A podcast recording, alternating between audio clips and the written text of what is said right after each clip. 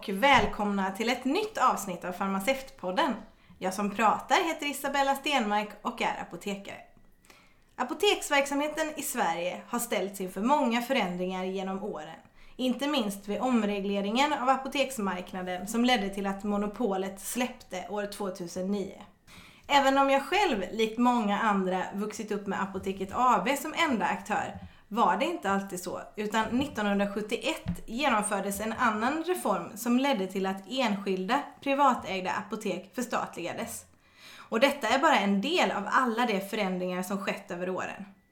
Men eftersom jag tycker det är så roligt att höra om hur det var förr och om hur förändringar, stora som små, påverkat tillvaron har jag nöjet och glädjen och äran att presentera receptarierna Gun Bergström och Marita Pahapil.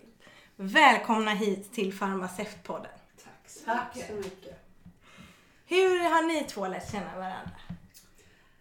Ja, vi, vi blev chefskollegor kan man säga på den tiden det fanns något som hette apoteksområden. Mm.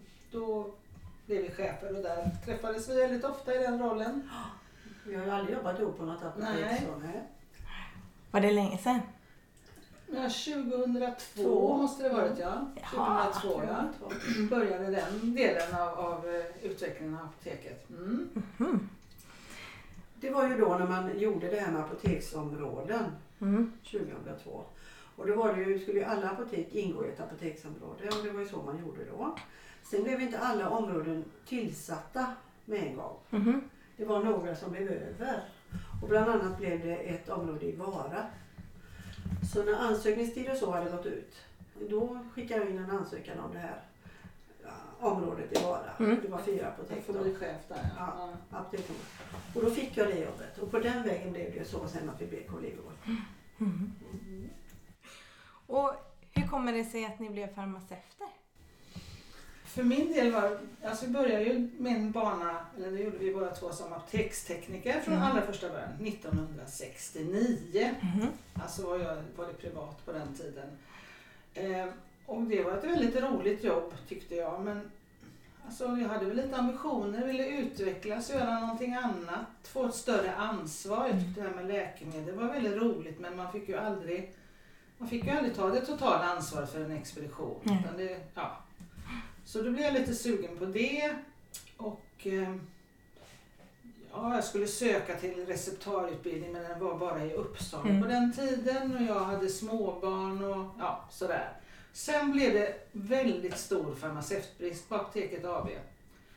Och då ordnade de en specialutbildning mm. för de som redan jobbade då. Man hade, fick röka ett år till godo och så fick man läsa på distans. Man fick en utbildningsort någonstans. För min del var det Örebro. Och sen fick man åka iväg till Uppsala på seminarier och laborationer och så läste man jättemycket hemma under tiden. Superroligt. Mm.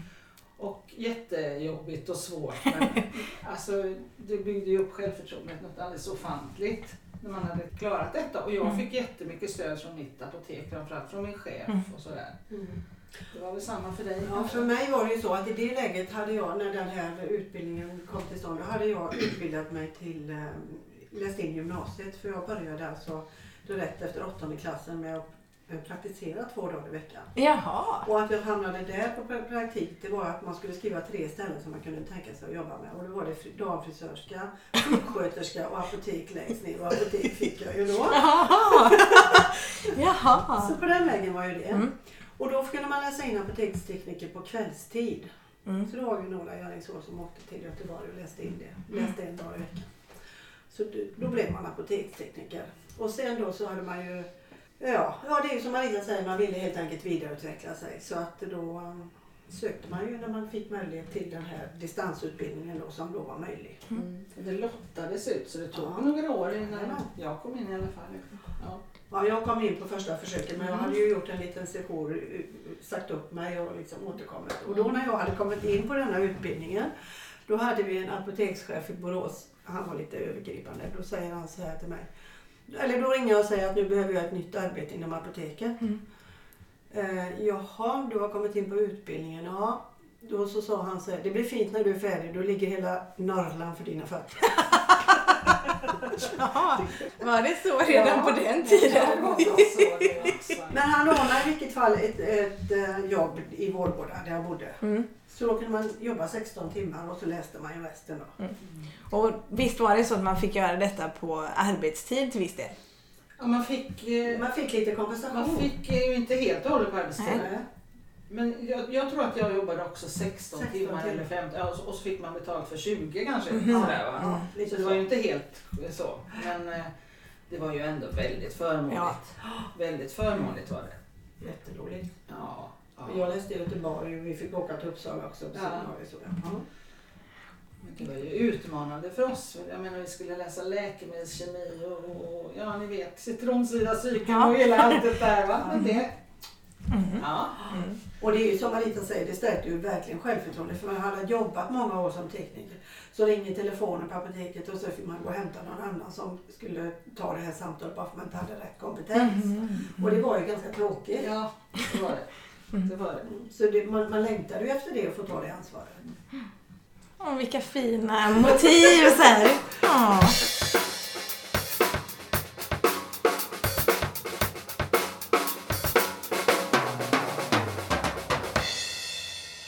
Minns ni er allra första dag på apotek eller liksom er första tid?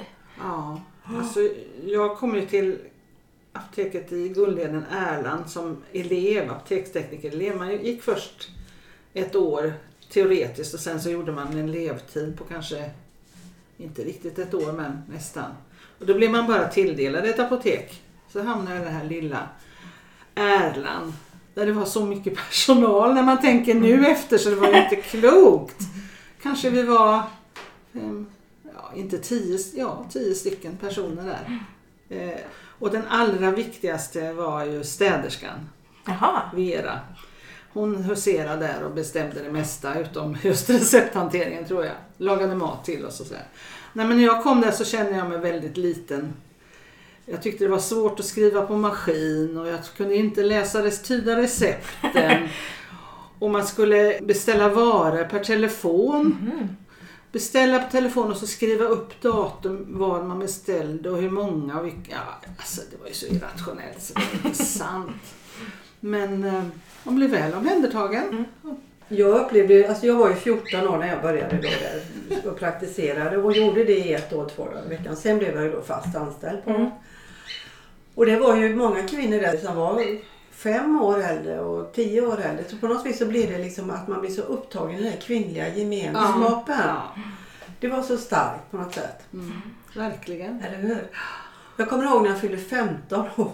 Då fick jag en jättefin present. För då hade de ju det för sig där på jorden att de samlade ihop pengar till alla jämna födelsedagar. Mhm. Så jag höll på att svimma. Jag fick en jätte... 15 var, var Ja, det var ju jämnt antal då vet du. Ja, Ja, så var gulligt. Men vad mogen du måste ha varit om du jobbade när du var 15 år. Alltså, jag Jajamän, menar, det gjorde jag ju. gjorde man på den tiden. Jag gjorde ju faktiskt pryo eller prao eller vad det heter på, om det var i åttan kanske, Mm. eh, på apoteket i Lerum. Jaha. Och, och där jobbade ju då sådana som jag har jobbat med senare, Yvonne till exempel. Mm. Ja men det var ju också... Mm. Men just tyckte jag att det var kul, verkar kul att jobba på apotek. Det tror jag att jag kommer att syssla med. Det Och det var ju roligt, herregud. Vi röjde salver, vi diskade pulver, vi, Mm. vi kokade kokter och vi sprang ju runt. Du vet, det är ju roligt. För då varje morgon så skulle man ju skriva upp på en lista så här vad man skulle ha till kaffet. Det viktigaste. Ja, Bojan Jonsson skulle ha krämbulle och någon man skulle ha vaniljhjärta och någon skulle ha grädde. En sån där liten flaska med flickan med kon. Vet du? Eller, ja. men det fick man springa runt och köpa i stan på olika. Mhm. Ja, det fick ju en annan Det var en viktig uppgift för en apotekstekniker. Mhm. Så så var det. Mm. Vad var roligast då? Men det var väl att man fick vara med och tillverka läkemedel. Fick, jag fick i alla fall inte tillsätta, eller jag kanske fick göra, men jag fick visa upp först att nu har jag tagit så här mycket pulver eller lösning eller vad det nu var. Men sen det här att man skulle göra kapslar eller röra i salvan och så, det tyckte jag ju var jätteroligt. Ja, det så kände man ju att man var med Och det i processen. piller och, och vi, Alingsås var ett ganska stort apotek så vi dispade ju Magnecyl till exempel. Vägde ju Jaha. det var 50 och var det Magnecyl med kodin då skulle det vara 20 då skulle man ju räkna. Mm. Vi hade ju ett stort laboratorium där, där han slog ju alla tabletter Magnecyl där till exempel. Och så fick vi ju dispa det i askar sen då. Alltså, så var det apotekaren då som slog Till med han var labbiträde. Ja, Så han hade väl någon apotekare som tittade att han blandade i rätt bara. Jaha, eh, labbiträde är en sån här labbisdräng. Ja, kan man säga. Ja. Jo, men så Det är var en viktig faktor på de stora. Men jag har aldrig jobbat med någon sån. Mhm. Mm, det hade vi ju. Ja. Jag funderar väl- väldigt mycket på det här med kvaliteten, vad man gjorde. Alltså jag tänker på när man kokar en dekokt och det skulle bli 300 ml och det blev inte riktigt så. Då tror jag man spädde på med lite vatten.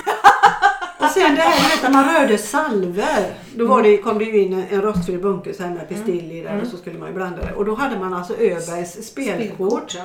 Så man skrapade Ja. ner där. Ja, men, Så. Och det skulle man göra minst tre gånger. men det har man än idag tror jag. Ja, man det har, det. det kanske inte är riktiga spelkort men man har sådana kort. Typ sådana ja, kort, ja. det har de på... På APL. Ja, ja, ja. precis. Ja, varför ändra på ett vinnande koncept? Ja, exakt. exakt. Sen, jag tänkte säga att det var roligt med kunder men det kanske det egentligen inte var för man fick ju egentligen inget säga till kunden. Man fick ju aldrig några råd. Nej. De skulle bara hänvisa till doktorn. Och sen var det ju det här konstiga kösystemet. De kom och tog en lapp och man ropade nummer två. Och sen kunde man göra allt möjligt och så nummer tre. Det var ju ingen kundvård på den tiden. Nej, och jag menar det tog ju jättelång tid om de lämnade in ett recept och fick, fick de ju automatiskt komma tillbaka två timmar senare. Och då satt vi och skrev etiketterna du vet på våra maskiner. Ja. Vi använde Tippex när det blev... Och karbonpapper Och, kar- och sen hade man ju dubbla etiketter ibland. Då hade man karbonpapper. Ja. Så var de vita, rosa för utvärtes, vita för invärtes rosa och sen var det ett rött streck när det var injektion. Väldigt viktigt. Mm. Jätteviktigt. Och så prissatte man ju allting själv. Räkna ut vad Och ingredienskostnaden det var det svåraste ämnet i apoteksteknikerutbildningen. Taxering hette det. Jag fattade ingenting när jag gick i skolan. Jag fick lära mig när jag kom till apoteket och då började jag förstå. Det var så svårt. Och det är det och liksom med högkostnadsskydd och prissättning. Ja. Det fanns ju inte då. Fanns det inte högkostnadsskydd? Nej, fanns det inte. Nej, jag vet inte. Nej. Mhm. Men det var liksom det så här, ingrediensen, arbe Mhm. arbete, förpackning. Mhm. Ja, vad det nu var för något. Och så hade vi stora sådana här rosa silkepapperark som låg på disken. Så allt bollades ju in, alla flaskor och sånt i sånt papper. Aha. Eller hur? Det var väl ändå roligt just att man det var så omväxlande arbete. Det var ju tillverka eh, varuhantering är ju också kul egentligen.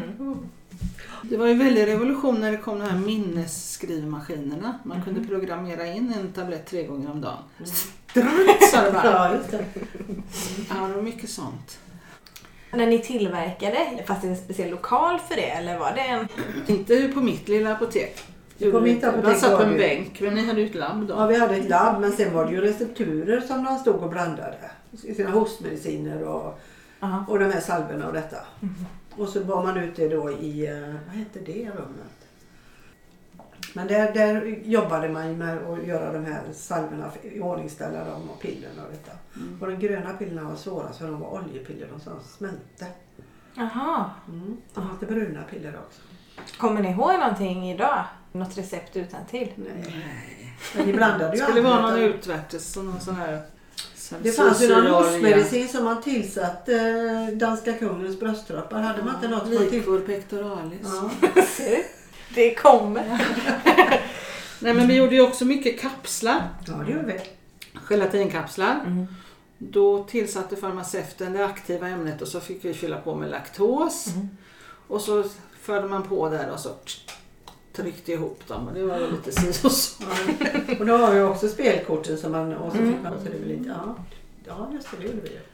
Var det någon som någon gång nämnde det här med att de var, inte tålde laktos? Eller var det något man tog till? Nej, alla tålde allt. Jag tror inte det fanns på kartan Nej, överhuvudtaget. Nej. Nej, men då tålde alla allt.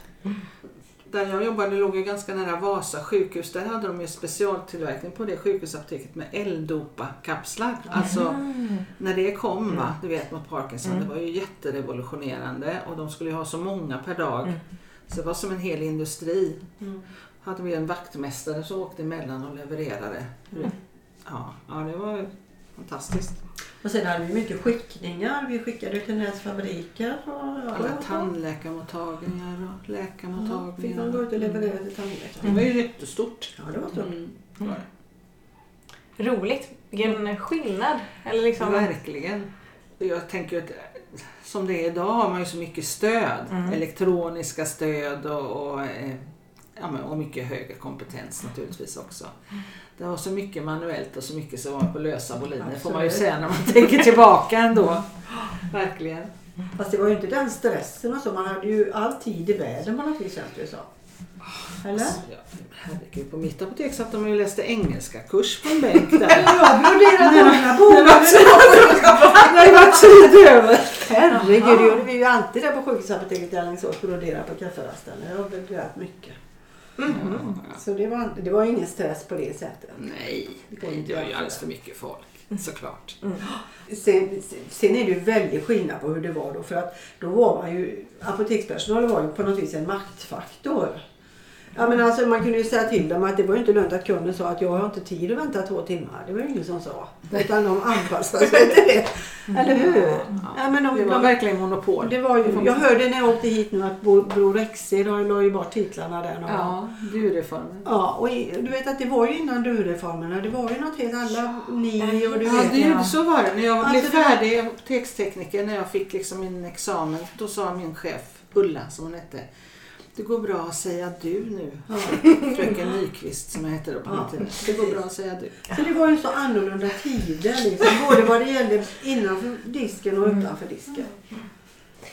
Men jag tänker det här med, mm, ja, du sa det Gun, att man lämnar in sitt recept och så hämtar man det efter två timmar. Mm. Men någonstans här vet jag att man började med direktexpediering. Ja, men det var ju efter att, eh, att monopolet eh, återkom så att säga. Okej. Ja visst. Ja, undrar när det började egentligen. Ja, men det måste ju varit någon gång efter 71 då.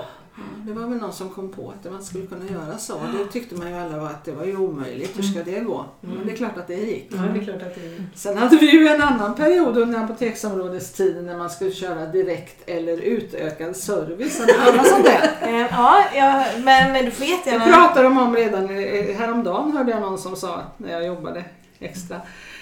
Eh, jo men då, om det var två preparat då kunde de få det direkt.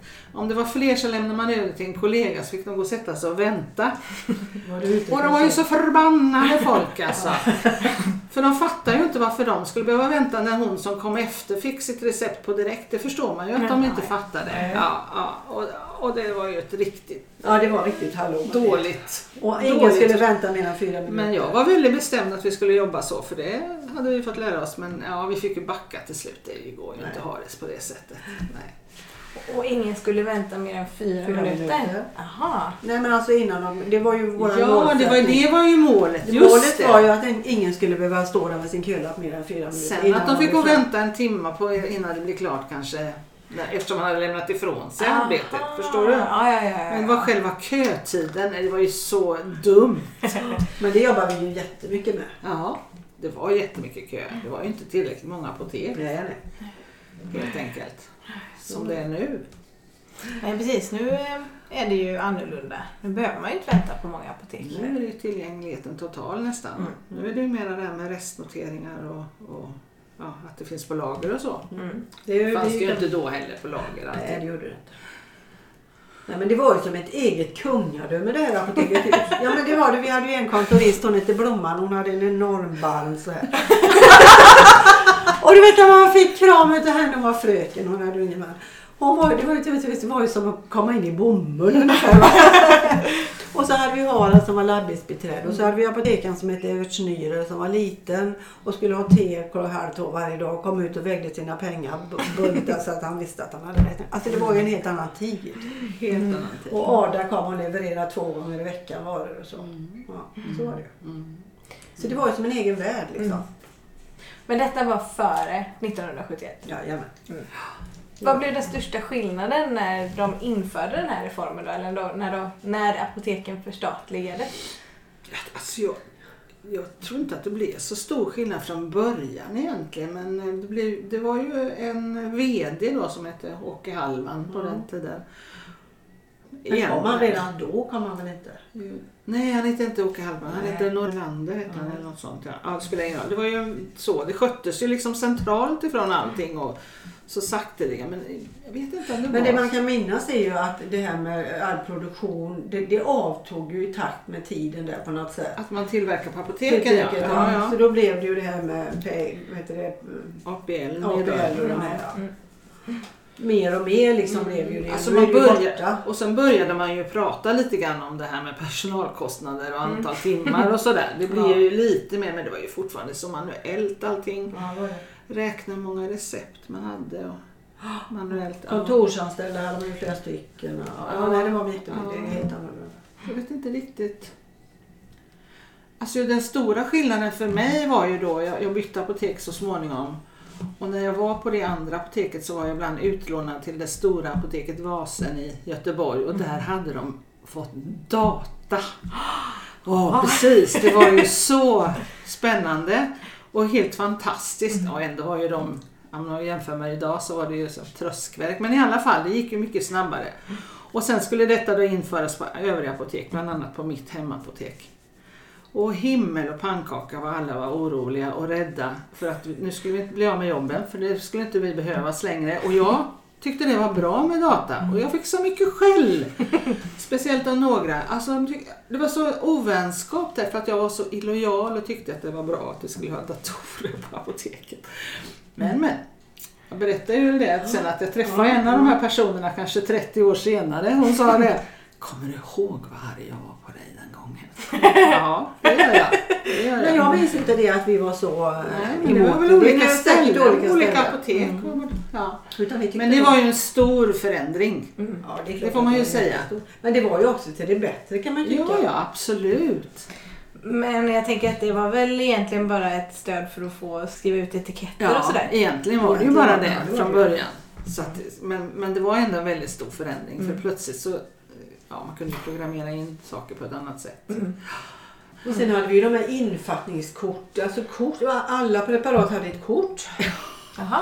Så man skrev på när det hade kommit hem och hur många som hade kommit hem. Mm, och när det började ta slut på hyllan så fick man lägga det kortet och sen så skulle man ju beställa det via telefon. ja, just, det. Det här har jag hört talas om. Ja, det var ju också... Det var ju Så ganska... läste man från det kortet i telefonen Mhm. manuellt. Ja. Och sen sedermera kom det ju varunummer. Det fanns det ju inte då heller utan då läste man ju vad det hette. Och så. Ja, just det. Blev det fel ibland? Jaha. Gissa. Det skulle man nog gissa att det blev. Det skulle man nog gissa att det blev. Ja, herregud. Men Ja. var det Ada då som levererade? Ja. Även kod, kron, KD det? fanns ju då också. De hade ju läst homeopatmedicin då.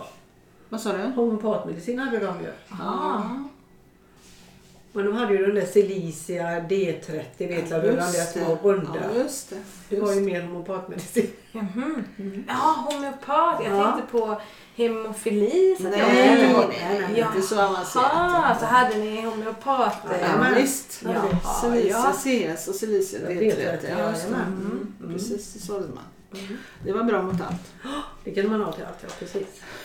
Men då kan man säga så här då, för att som jag förstår det så fanns ju ingen egenvård egentligen. Det fanns väl ingenting som var Nej, det kan man inte gripbart. säga. Nej. Och vi fick inte rekommendera något. Utan skulle någon ha vitaminer skulle man ta fram alla tio burkarna som fanns. Så skulle kunden välja själv. Jaha. Bara som ett tips. Man kunde inte säga att det var si eller så. Nej, okej. Det fick vi inte göra. Nej. Nej, Inte farmaceuterna heller. Nej, man fick inte rekommendera något. Utan Ja, man fick bara tala om vad som fanns. Sysslade inte Nej, med de egen gick vård. aldrig vid disken du vet. Nähä. Nej, nej. De hade fullt upp att branda. Ja, ja, Ja, ja. Så egentligen så tog teknikern emot receptet, farmaceuten färdigställde Ja. och så lämnade ni ut. Ja. Absolut. Så, Ja. Utan information. Ja, ja, ja. Frågade kunderna något då? Nej, Jo, men om de frågar så sa man, då får du fråga doktorn. Mhm. Men Så. vi stod ju inte där och svarade på någonting. Gjorde vi inte. Men det där luckrades ju upp naturligtvis så småningom. Så att, ja.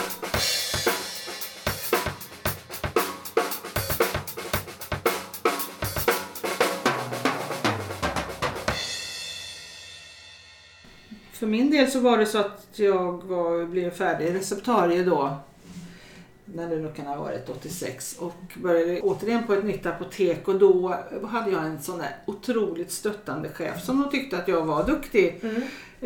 eh, och tog tag i saker och då hade de på Apoteket AB något som hette Ledarskolan. Mhm. Presumtiva ledare Mm. då. Som jag fick vara med på. Det var från hela landet och vi hade då kanske några gånger per termin åkte man iväg till någon fin herrgård. Jaha, så det här. Ja. Med olika chefsutbildning då, eller blivande chefsutbildning. Det var ju helt fantastiskt. Det var liksom början till att jag blev chef. Mm. För sen sökte jag och fick en biträdande chefstjänst och så småningom en chef och sen var det det här med områdeschef. Alltså det liksom började där och det var ju bara ett sätt att gå vidare i sin utveckling. Från receptarie så var det ytterligare lite mer som, som lockade. Mm. Och jag hade ju i mellanspel jobbat jättemycket med dosen där. Just det. Jaha, Ja. måste Just dos också. Mm. Vi hade ju dosmaskin på sjukhusapoteket i Alingsås där jag jobbade. Mhm. Så då hade vi en som han kallade- kallades för manuell.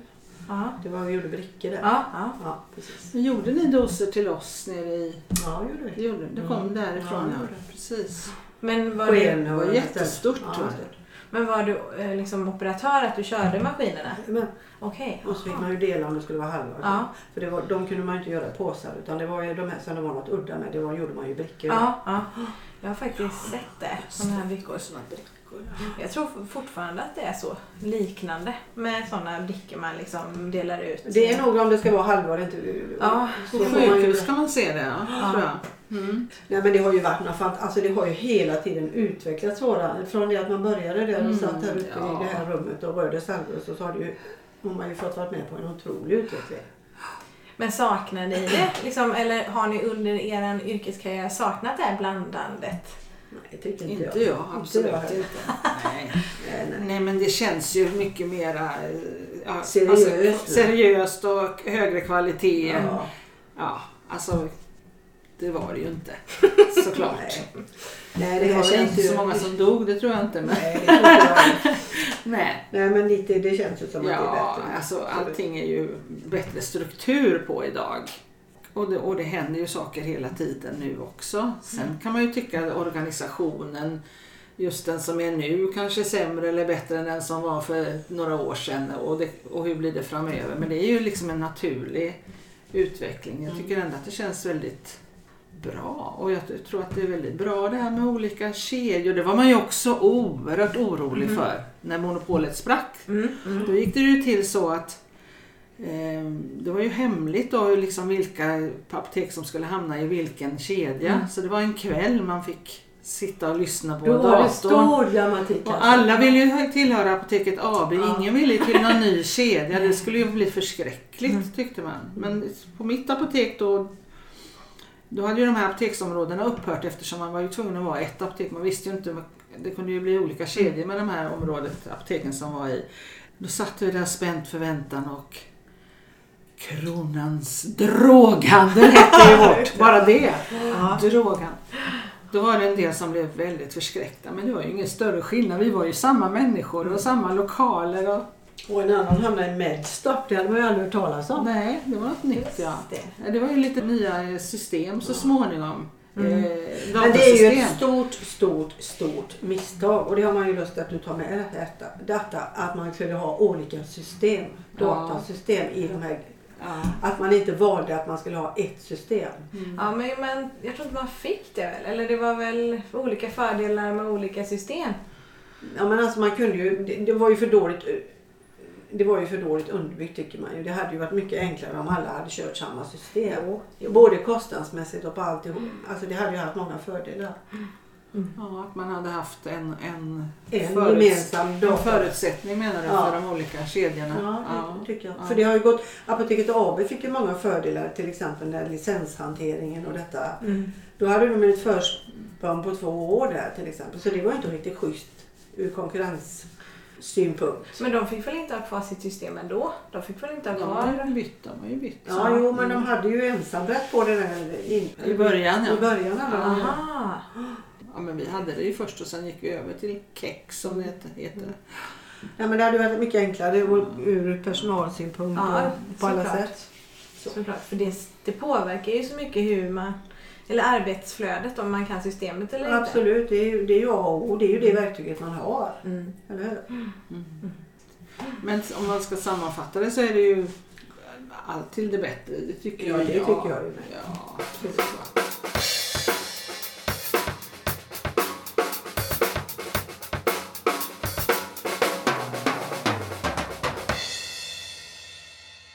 Behövde ni ha för kläder på er? Var det så här klädkod på, på när ni började? Ja, vit rock fick man ju ha. Den för var ju bomull och den fick man tvätta själv. Jaha, alltså. Och det var inte enkelt, enkelt att stryka den kan jag säga. Nej, Det nej. gjorde väl min mamma kanske. Ja. Nej men vi hade ju egna rockar i bomull. Ja, men vi, hade, vi behövde inte stryka själv. Jag hade, vi hade vita bomullsrockar som lämnades till ett tvätteri. En tant som... Alltså de var så manglade var de säkert. Eller strukna så att det var så fint. Men jag klippte ju av min då eftersom det var kort kort. Det var inte så populärt. Men, men ja, det var ju lika slät för det. Ja, men annars var det ju inte så här vad man skulle ha under eller så. Byxor eller ett skjorta. Det var inget Nej det sånt. fanns ju inget sånt. Det kom ju så småningom det här gröna modet. Samtidigt har det ju alltid varit en, en, stridsfråga de här rockarna. Mhm. Både vad det gäller material och utseende och eh, det, har- det har ju alltid varit en väldigt stor sak. Ja, jo. Och det är, ja, Vi hade väl inga namnskyltar eller så? nej det hade vi inte. Nej. Det kom sen. Ja, kom senare. Ja. Mm. Vilket uppdrag i er karriär har varit roligast?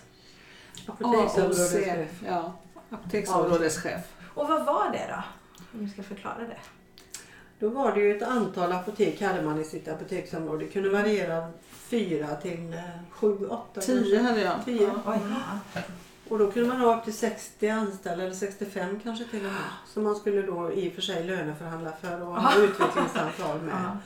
Men man hade också många gemensamma funktioner i området som man kunde dra nytta utav. Mm. Och det känns som det var väldigt utvecklande period. ja, det var ju väldigt utvecklande för oss som chefer. Det var, det. men det var också, även, men även det var också väldigt bra som du säger i området. För Mm. det var ju ofta grannapotek då om man nu Mm. kan Mm. kalla det för grann. Men de som låg någorlunda nära varandra. Man kanske hade någon som var ja, utvecklingsledare när det gällde kompetens på farmaci och någon på egenvård. Vi hade, vi hade ju en som la schema. Mm. Eh, alltså vi var väldigt effektiva tycker jag. Mm. Och så lånar man av. Alltså jag tror att det var väldigt stor samhörighet mellan apoteken på den tiden i, i området. Och sen var det ju en viss sporre mellan apoteken skulle jag säga. Det också. Mm. Ja men alltså var något jätteduktigt då ville man ju kanske de andra lära av det. Eller? Ja, det, lite, lite utmaningar, Lite lite, säljutmaningar och sånt. Ja. Men jobbade ni i drift då? det gjorde vi väl Alltså, inte så mycket. Man skulle ju inte göra det men på sommaren var jag ryckte in eller om det var något väldigt eftersom vi var farmaceuter. Man behövde ju inte vara farmaceut för att vara områdeschef. Det var en del ekonomer och lite så. Så kunde man ju göra det. Men det var ju inte meningen egentligen eftersom vi hade så mycket. Det, det som inte var bra med det var ju detta att man skulle ha utvecklingssamtal med 60 personer. Det var ju Det var korkat. mycket. Mm. Eh, ja, Det det var var, väl egentligen det. Annars var det jätte, Ja, jättebra. det var det. Men hade ni så här ekonomiskt ansvar då? Ja. till- Ja. Aha. Så ni var typ chefer för flera Mm. apotek? Ja, ja. Mm. Precis. Så det kan man ju också liksom ändra lite med antalet personer på Mm. det ena apoteket för att flytta om om det ena inte var lönsamt eller ja. Så till viss del i alla fall. Absolut. Ja. Nej, men det var nog det roligaste, det håller jag med om. Ja, det var Det är vi rörande överens om. Ja, det var väldigt Vi hade ju också väldigt kul vi Ja. jag förstår det. Och så. Och vi fick ju väldigt mycket till livs. Det var mycket utbildningar. Vi var mycket ut... Alltså vi fick ju lära. Det var nästan någonting varje vecka. Vi Mm. fick ut... På, på den tiden jobbade Som man person utveck... Ja. utvecklades vi också. jobbade ju mycket med något som heter styrkort. Ja. Mhm. Där man liksom tittade på olika delar i verksamheten. Det var egenvård, det var personal, det var eh, lokal och sådär. Och så, och så gjorde man som en budget kan man säga fast det var liksom mjuka värden. Och det, det hade ju väldigt många roliga sittningar med all personal. Alltså det var väldigt kreativt. Vi hade grupparbeten och de var med i processen. Det tyckte jag var Ja, väldigt, var väldigt kul. Ja, Ja. absolut. Så alla hade liksom ett ansvar för att det skulle fungera. Det kändes ju som hela apoteksvärlden utvecklades under Ja, de åren ja. på något vis. Ja, Det kan man nog säga. Ja, precis. Sen är det väl mycket som går igen. Mm. Mm. Det är det ju säkert. Ja. Om det var något bra då liksom. Är Ja. säkert Nu är man ju lite inne på det här med flera, en chef och flera apotek Ja, igen. Mm. Mm. Och då får man ju dra fördelarna av det. Det är Mm. inte bara att man sparar in en chef utan det är också att man- man kan samverka inom det klustret som det heter idag. Mm. Och sen kan man väl säga, väl vi tyckt både du och jag, att det har varit en väldig fördel att man har varit farmaceut. Att man har jobbat som farmaceut. Att man, att man kan verksamheten. Och för, Man förstår ju den tack vare det. Ja, ja. Det känns ju svårare för de här som kommer från andra professioner. Ja. Skulle jag tycka. Mm. Eller Jag tycker i alla fall att det har varit en fördel. Ja, att man, att man har, har, kan jobbet. Mm. Det tror jag med. Vad är den största skillnaden nu mot då? Det är ju mer professionellt i dagens läge får man väl säga. Ja, det var ju så mycket manuell hantering. Man har mycket mer stöd i, det finns ju mycket mer stöd att få. Mycket mer stöd och högre kompetens måste Ja. man säga över hela linjen. Ja, absolut. Det tror jag ju absolut. Det är roligt att höra faktiskt. Ja. Jo men det är det ju. Och fräscha lokaler och det är ju väldigt eh, ordning och reda på det här med hållbarhet. Och, Mm. alltså det, vi, vi, ska, vi kan ju stå för våra produkter i dagens Mm. läge. Och så kundbemötandet. Det är Det väl är ju- den allra största Det skillnaden. gör en jätte, och det tycker jag ju, det är klart att kunderna drar nytta av det men även Ja. som personal drar man ju nytta av det. Alltså, ja, ja, ja. jag, Det är- jag tycker det känns... Den det processen känns har ju varit vuxit över tid men Ja. alltså visst. Det är en stor skillnad. Man, man vet ju väldigt tydligt hur man ska eh, bemöta kunderna och blir man inte bemött på det sättet när man går in i en affär nu för tiden då kommer man ut. Ja, ja, ja. Ja, jag står inte där och inte heller, då får det vara. Men det behöver du inte ta med. Nej, nej, nej. ja men så är det ju det här med e-handel och allt. Alltså Mm. hela den tekniska revolutionen. Absolut. Som såklart. E-handeln är kanske som datorerna nu då. Att vi Ja, är rädda att e-handeln Lite rädda ska för det. Ja. stjäla våra ja, jobb. Ja. Och det finns väl ett visst berättigande i den rädslan. Mm. Mm. Men det har ju sina fördelar också det här med e-handel. För att om man tänker att man ska handla någonting som man skäms för att man ska handla. Ja, ja, precis. Så är det ju en fantastisk möjlighet. Eller man vet att det inte finns hemma. Man behöver inte gå med den. Precis. Eller hem det. Ja, eller att man kan göra det eh, på kvällen Ja, klockan nio. ifrån sängen. Ja, om man nu känner för det. Ja, Precis. Nej, men det är ju, det är ju, så det har ju fördelar också. ja jag tror också det. Men alltså den här mångfalden va, nu. Mm. Man kan göra på det ena, eller andra Mm. eller tredje sättet. Det är väl det som är Det är ju en jättefördel. jättefördel. Ja, absolut. Och bra. Mm. Och många olika apotek Mm. man kan välja. Ja. Och det ena, ena sättet passar den ena situationen och man kan välja den. Det är ju jättebra.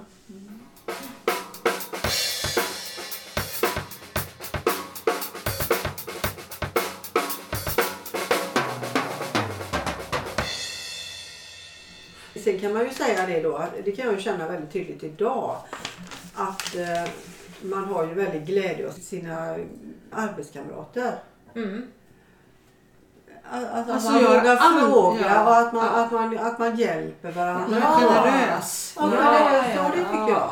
Ja, men, men det tror jag är lite också personlighet. Kultur och kulturen på Ja. apoteket. Ja. Ja, att man... eh, Det har jag också uppfattat att på vissa ställen så vågar man inte fråga om man är osäker för man vill inte visa. sig. Men det skulle jag ju aldrig göra. Det, för jag frågar ju jag frågar ju alltid om den om jag är osäker. Ja, Eh, och så högt i taket vill man att det ska... Ja, jag Ja, men det är ju också ett sätt för apoteket att utvecklas. ja. Eller absolut. hur? Att man har den eh, kulturen. Att man frågar och hjälper varandra. ja, det måste man ju göra. Vad ska Ja, man göra ja, annars? vad ska man göra annars? Men det har ju funnits tider när man inte har kanske vågat, velat blotta sig. Mm. Men jag upplever att man får... För arbetskamrater. Det är väldigt, Ja. Alla är väldigt snälla och hjälpsamma. Ja, Ja, Ja. det tycker jag också. Mm. jag, jag är så glad och lycklig över mitt yrkesliv. Det, Ja, det är det. så. Jag har alltid tyckt att det är roligt att jobba. Alltid. Ja, det är roligt. Ja, Mm. faktiskt. Alltså det är ju ett väldigt ombytligt jobb även om man är fast i tider och det här som Mm, du säger. mm. Men jag menar man kan... Det finns många sätt att jobba som, med farmaci. Ja, om man inte ja. vill vara på ett apotek. Mm. Och sen även på ett apotek, egenvården, lagret, Mm. kunderna. Mm. Man kan göra hur mycket som helst. Ja, verkligen. Det finns ju alltid något att göra. Det finns alltid något Ja. att göra. Definitivt. Så, om man vill ha ett fint och ordningsamt apotek som Lerum är. Ja. Som många säger, även nu Ja. säger de det. Ja, Ja, det var det, det, det, där, det där ordentliga apoteket. ja just det. Ja. Precis. Ja. För det mesta. Ja, och är det någonting mer ni skulle vilja ta upp? Ja, Jag kommer att tänka på det här med parallellimport. Eh, Det var innan det här med generikabyte. Tidigare så var det ju så att man, man fick sin paket med eh, Metoprolol till exempel och då var det Hässle eller Astra. Punkt slut. Sen kom parallellimport. Vilket ju är precis samma läkemedel fast det är ompackat och då hette det, det kunde i värsta fall ha ett annat namn tror jag. Men inte så ofta. Men förpackningen såg ju annorlunda ut. Och så mycket resonemang och så mycket övertygande för att Jaha. kunderna skulle välja det här nya. Alltså det var inte klokt. Det var mycket mer än vad det är nu när vi har generika-diskussioner tycker jag. Visst var det så? Ja, men då heter de ju Det var så nytt. Ja, ja, Det var så nytt alltså. Ja. Så det kom före Ja, ja. Mhm. Men var det också, syftet med det var att man kunde tjäna lite pengar Ja det? precis, det var det. De blev ju billigare då. Köpte in ett lager och så packade om någonstans i något annat land och så skickade tillbaka. Det är konstigt att det blir billigare men i alla fall var det så. Ja, det, det, det var en sån där brytpunkt också. Det måste ju varit på 90-talet någonting som det kom. Ja, Men kunde kunden motsätta sig ja detta? absolut. Ja, okej. Då fick de ju betala och så kanske man inte hade det hemma heller då. Mm. Precis som det är med generika nu egentligen, samma diskussioner. Men det var sånt stort ingrepp Mm. i, i valfriheten. Nu väljer vi ju ofta kanske åt kunderna trots allt eh, när det inte är någon större förändring. Ja, parallell. Beror lite på. Ja, Mm. ja. Men nu, nu säger du det med, med räkna eller pengar. Men med högkostnadsskyddet, det kom ju någon gång. Mm. Men det måste ni väl ha räknat manuellt i början? Manuellt, ja. Ja, det Man fick, alltså då ett, Eller? jag kommer inte riktigt ihåg hur man... Nej, jag tror inte vi har räknat den. Du vet, du kommer ihåg att de fick etiketter och klistra in i Ja. ett litet häfte och så räknade man ner. Liksom. Men var inte det läkarna bara? Nej, det var på apoteket också. Var det det? Ja. Det kommer inte jag ihåg. Ehm, jo men så var det. Då så räknar man manuellt. Ja, nu är man uppe i 1100 eller 900 eller vad det nu var. Så. Och det var mycket fiffel med de där. Alltså, En annan sak som jag nu när vi ska prata om saker som har förändrats. Det var ju den, det var, kan det också på 90-talet, när fria läkemedel försvann. Det fanns ju jättemånga läkemedel som var kostnadsfria. Fortfarande är ju det eh, insulin, det är ju det enda egentligen som är fritt. Men då var det ju astma, alla kroniska Mm, sjukdomar mm, var det, det. Levaxin och så. Plötsligt så skulle ju man få börja betala för dem. Mm.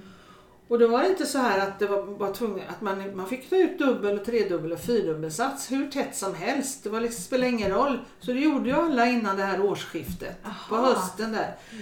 Apoteken var fullsmockade med bärkassa med läkemedel som folk skulle ha ut innan den här nya reformen att de skulle börja betala. Alltså det var helt sjukt. Oj. Och sen har man också sett tagit emot sådana här som ska destrueras. Ja. Mm. Efter det Efter ja. det. Kartongvis med Bricanyl. Kommer jag ihåg, det var, Tillbaka. det var Ja. en i Lerum särskilt. Ja. Jag glömmer det aldrig. Det var förfärligt. Ja. Slöseri. Inga restriktioner, man bara fick ta ut så. Ja, det var ju helt, det var ju så tandlöst. Så. Oj. Ja, det var det verkligen. Och ändå var folk, folk jättearga. Mm. Vi hade så mycket, vi jobbade kvällar, vi jobbade helger vi, för att hinna kapp för vi kunde inte göra ordning recepten. Vi skulle beställa nytt och vi Jaha. stod högt och lågt. Ja. Och sen var det ju väldigt jobbig brytpunkt där när det var uh, sekelskiftet, alltså år 2000. Aha. Eller när det skulle bli uh, nytt uh, Millennieskifte. millennieskifte. Ja, just med dessa det. datorerna och, och den här manuell han som du vet, dosar de här brickorna och detta. Mm. Och hur det skulle gå. Kommer du ihåg? Vilka farhågor. Jag kommer precis ihåg det för att jag jobbade i Floda och jag var i Floda på nyårsfest så jag sov över där. Ja. Så fick jag gå till apoteket på nyårsdagen. Jaha. För man var tvungen att vara på plats för det skulle vara, då skulle vi ta in en massa olika uppgifter. Ja. eh, och skriva ner på papper från datorer. Jag kommer inte riktigt ihåg vad det var vi skrev ner igen. Nej. Och sen skulle detta faxas till eh, regionchefen Ja. Jonsson, Björn Jonsson. Ja. Och när alla apotek i regionen börjar faxa, då kraschar ju faxen. och inte hände det någonting med datorerna Nej, heller. det var ju, Nej, men det var ju mycket farligt. Över, överdramatiskt alltihopa. Ja, herregud. Och det var ju säkert inte bara på apoteket man hade farhågor för det var ju på många ställen Ja. i samhället. Ja, ja, ja, men det, vi fick göra vår del i jobbet. Ja. Ja, så var det. Jag blir ju frestad att fråga nu då. Tycker ni det var bättre förr? Nej. Nej, det tycker vi inte. Det är bättre nu. Ja, Ja, det är bättre. ja, absolut. Skönt. Men det är roligt att ha varit med på resan. Ja, precis. Jag, är, jag hade velat vara med. Jag hade också velat... Men du har ju mycket framför dig å andra sidan. Ja. Ja, jag... Tänk, tänk när du ska podda sen om, om 50 år. Ja, just det. Ja. Hur var det då? Ja. Stort tack Gun och Marita att ni har velat vara med i Farmaceutpodden. Ni är båda förebilder för mig. Eh, jag förundras alltid över den pondus ni har och över hur mycket ni verkar glädjas över att faktiskt jobba och över ert yrkesliv. Tack för att ni har delat dessa minnen med mig. Jag fascineras över farmacihistoria och tycker det är väldigt spännande att få ta del av andras erfarenheter, särskilt sådana jag aldrig själv kan få. Tack till alla er som har lyssnat. Dela gärna avsnittet om du tycker om det och glöm inte följa Farmaceutpodden på Instagram och Facebook. Hej då! Hej då!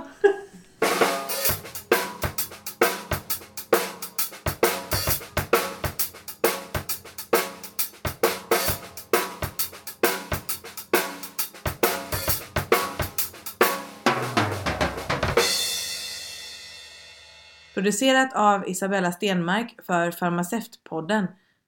Trummor Fredrik Podgorski.